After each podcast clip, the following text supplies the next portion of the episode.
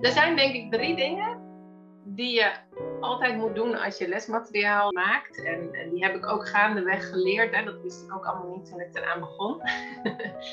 maar het belangrijkste is denk ik dat je nooit te veel moet willen. Hey Wanner, welkom terug op de podcast over nieuwe economie. Hier leren we samen over de nieuwe economie, wat je ermee kunt en wat er eigenlijk allemaal onder valt. In deze aflevering praten we met Marjan Duursma. Marjan is onderdeel van for Change en het team dat de lesbrieven Nieuwe Economie van One heeft gemaakt. Lesbrieven die begonnen voor de middelbare school, maar ook al met een paar kleine aanpassingen in het hoger onderwijs worden ingezet. Echter heeft ze nog veel meer ervaring in het onderwijs en de veranderingen die je daarin teweeg kunt brengen. Daar vertelt ze je alles over in deze aflevering, dus laten we snel beginnen. Hey Marjan, welkom op de podcast van One. We kennen elkaar natuurlijk van de lesbrieven die we samen maken voor de middelbare school. En daar duiken we vandaag ook dieper op in. Maar eigenlijk ben ik wel benieuwd, wat was jouw weg naar het maken van onderwijsmateriaal? Ja, dankjewel Julika. Leuk om uh, hier in jullie podcast te zijn vandaag. Ik heb eigenlijk wel een lange weg afgelegd, denk ik. Ik heb 15 jaar als uh, consultant gewerkt in, in Afrika op het gebied van microfinanciering en ondernemerschapstraining. En ja, in Afrika draait eigenlijk ook alles om capaciteitsontwikkeling. Dus uh, je gaat dan al gauw van de rol van adviseur ook naar de rol van trainer en coach. En daar heb je natuurlijk ook goed materiaal bij nodig. En ja, in Nederland is dat niet anders. Sinds een jaar of vijf werk ik voor de Stichting Day for Change. En we doen een educatieproject op scholen met kinderen en jongeren waarin zij zelf een, duurzaam bedrijfje gaan starten. Um, en de winst die ze daarbij maken, die gaat naar ondernemende mensen in ontwikkelingslanden. Nou, ook daar heb je natuurlijk goed materiaal bij nodig. En um, ja, eigenlijk nog wel meer merkte ik dan bij volwassenen. Want je moet echt aansluiten bij de belevingswereld van, van die kinderen, van die jongeren, om ze vervolgens uh, mee te kunnen nemen in je verhaal. En, en ja, dan worden ze enthousiast en, en dan gaan ze leren. Dus ja, ook al bestaat Day for Change al 15 jaar, ook wij zijn eigenlijk toch continu in ontwikkeling. Hè? Dingen verbeteren, dingen maken. De laatste paar jaar heb ik vooral ook gewerkt aan het meer verankeren van duurzaamheid in het lesmateriaal van Day for Change. Ja, zodat het gewoon jongeren activeert en dat ze het ook leuk vinden om te doen. Waarom is dat anders bij volwassenen? Nou, ik vind jongeren zijn nog weer een stuk eerlijker eigenlijk. En, en op bepaalde manieren ook kritischer. Hè? We werken met kinderen vanaf groep 7, 8 lagere school. Nou, dat is natuurlijk een hele dankbare groep, want die zijn super enthousiast over alles. Die vinden alles leuk. De luikjes naar de wereld staan heel erg open. Maar we werken ook met klas 1 tot en met 4 van de middelbare school. Nou, dan merk je hè, bij pubers vanaf een jaar of 14, 15, dan, dan gaan die luikjes vaak een klein beetje dicht. Dan gaan ze zich focussen op zichzelf, op hun peer group. Dan zijn ze met heel andere dingen bezig. En, en als jij dan om negen uur s ochtends, of half negen s ochtends, uh, eerste uur maandagochtend uh, in de klas komt met je gave project. ja, dan moet je echt wel van goede huizen komen om te zorgen dat je ze, dat je ze meeneemt. Dat je aansluit bij, hey, waar komt deze jongere vandaan? Hoe was je weekend? Uh, hoe sta je in het leven? Waar hou je je mee bezig? Wat vind je belangrijk? Nou, en wat kan dit project dan voor jou betekenen? Dus ja, ze, zijn, ze, zijn ook, ze geven je eigenlijk meteen terug. Ze zijn een goede spiegel, laat ik het zo zeggen. En in hoeverre ligt dat aan het materiaal of aan de persoon die voor de klas staat? Ja, dat is een goede vraag. Ik denk aan beide.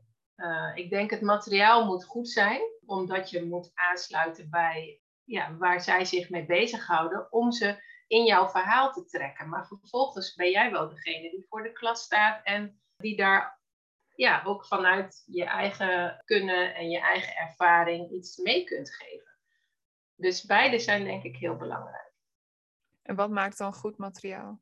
Er zijn denk ik drie dingen die je altijd moet doen als je lesmateriaal maakt. En, en die heb ik ook gaandeweg geleerd. Hè. Dat wist ik ook allemaal niet toen ik eraan begon. Maar het belangrijkste is denk ik dat je nooit te veel moet willen doen.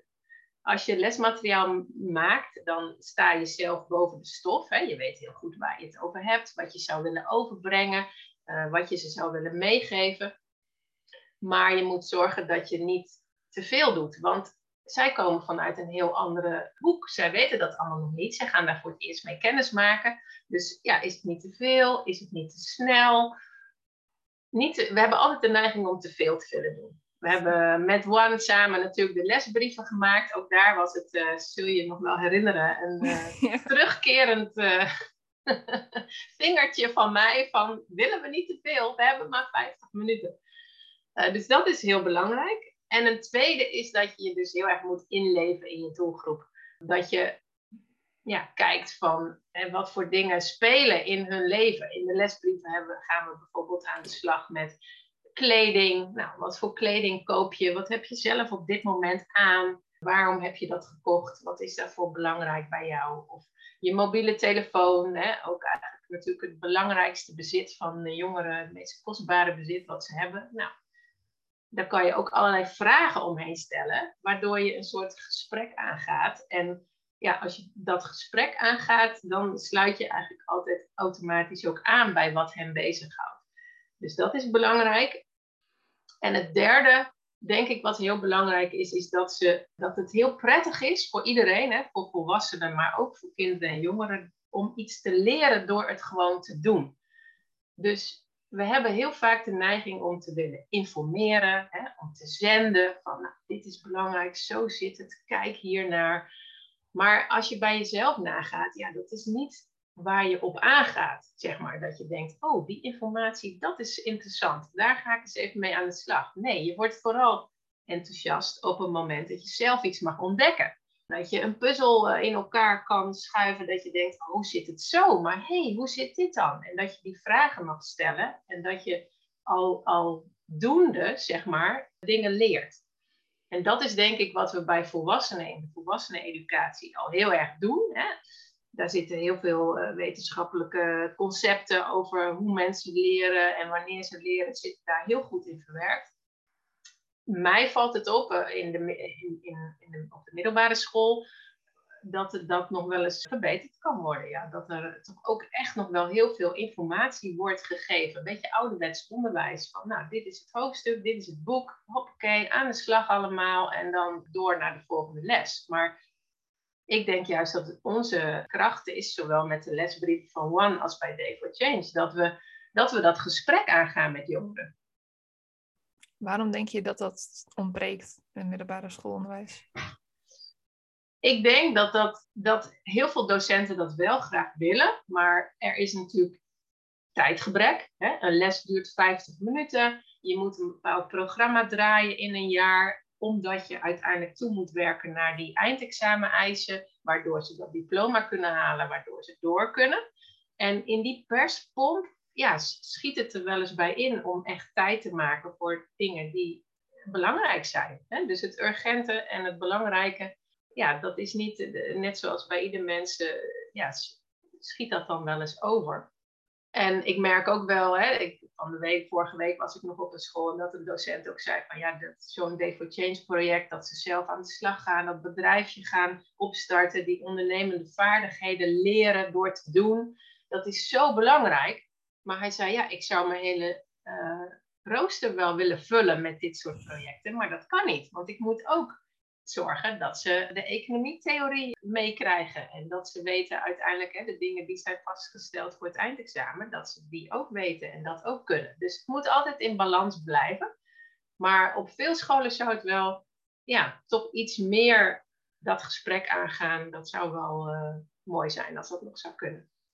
En als je dan met zo'n groep bezig bent, hoe weet je dan dat je tot ze doordringt? Wanneer zie je dan dat de luikjes zeg maar open gaan of dat je ze te pakken hebt? Ik denk vooral als ze aan de slag gaan. Hè, dus ik geef gastlessen, nou dan merk ik al heel snel of ze meedoen of niet, want ik stel gewoon allemaal vragen. En als er geen reactie komt, dan wijs ik iemand aan en zeg, nou wat denk jij? Ik wil graag weten wat jij denkt.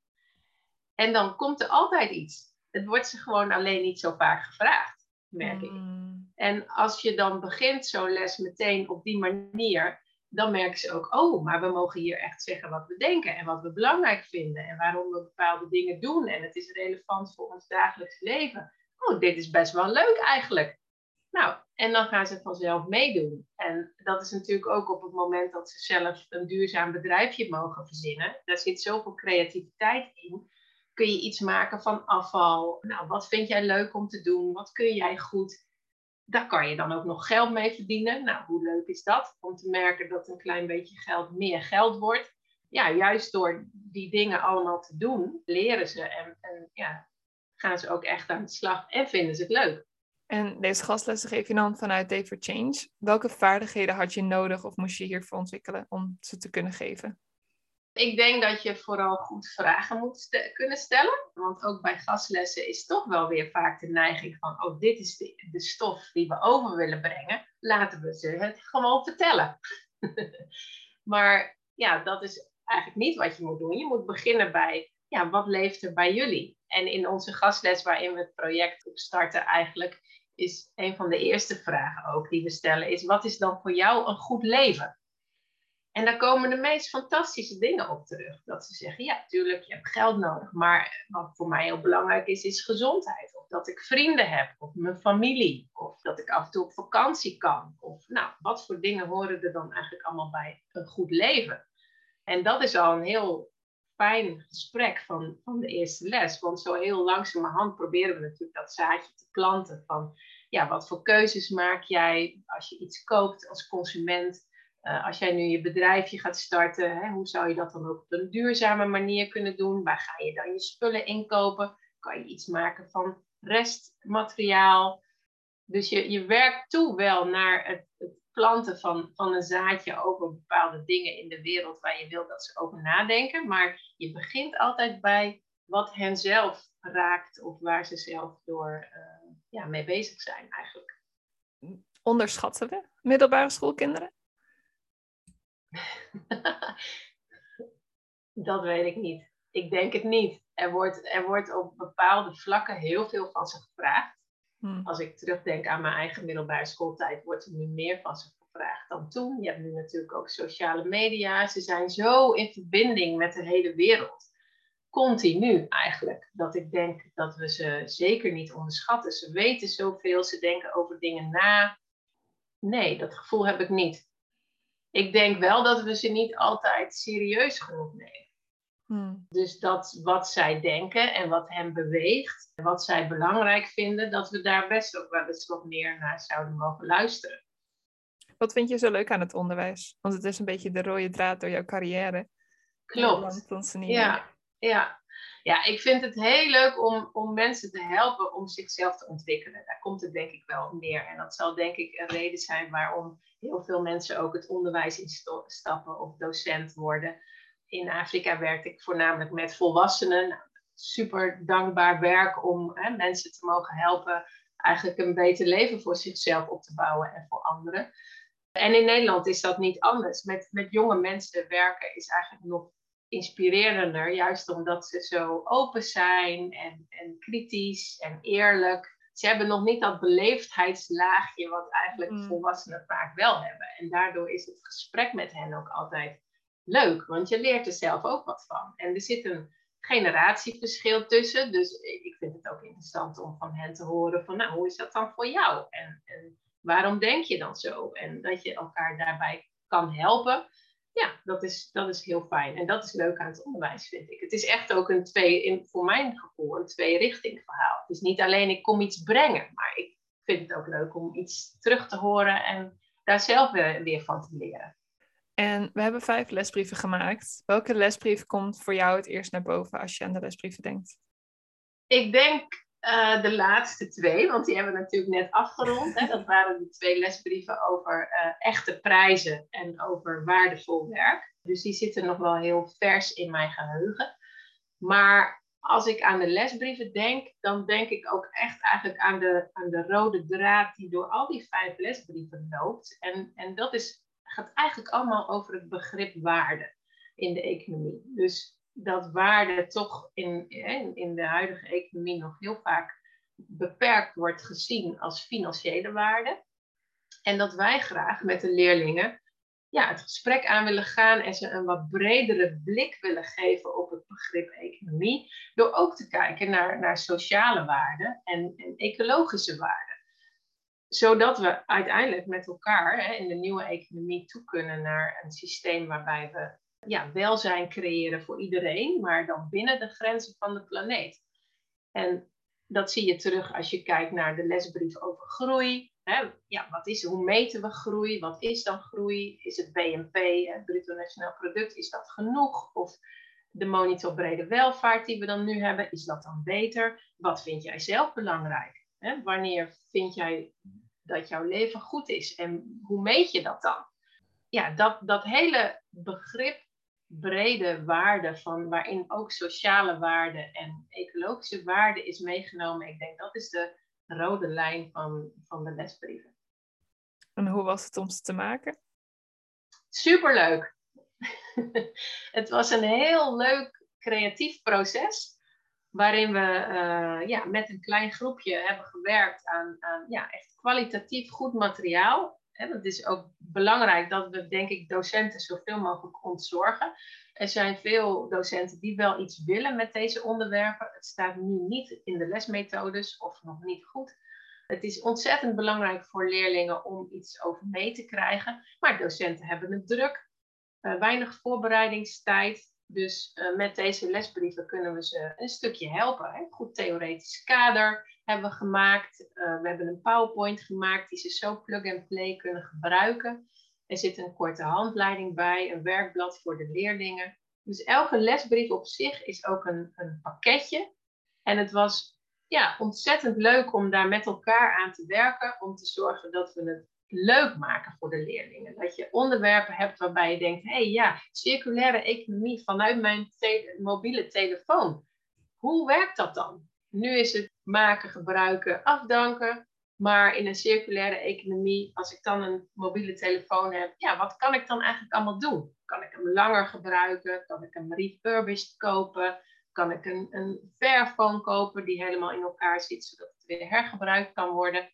Vanuit die concrete onderwerpen dan kijken naar eigenlijk nieuwe economische theorieën en begrippen. Ik denk dat dat ja, ook voor onszelf super leuk was om op die manier aan te werken. En wat maakt dan een goede les? Ja, een goede les komt eigenlijk neer weer op die drie belangrijke principes. Dat je niet te veel wil doen.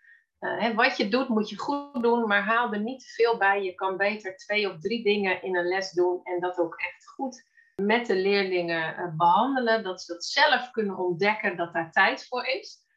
En uh, vanuit hun eigen belevingswereld, dus ja, dat kledingstuk wat ze aan hebben, of die mobiele telefoon die ze zelf gebruiken, zodat het tastbaar is, hè, zodat het niet een, een vaag theoretisch concept blijft, maar dat het gewoon vanuit hun eigen dagelijkse praktijk wordt behandeld.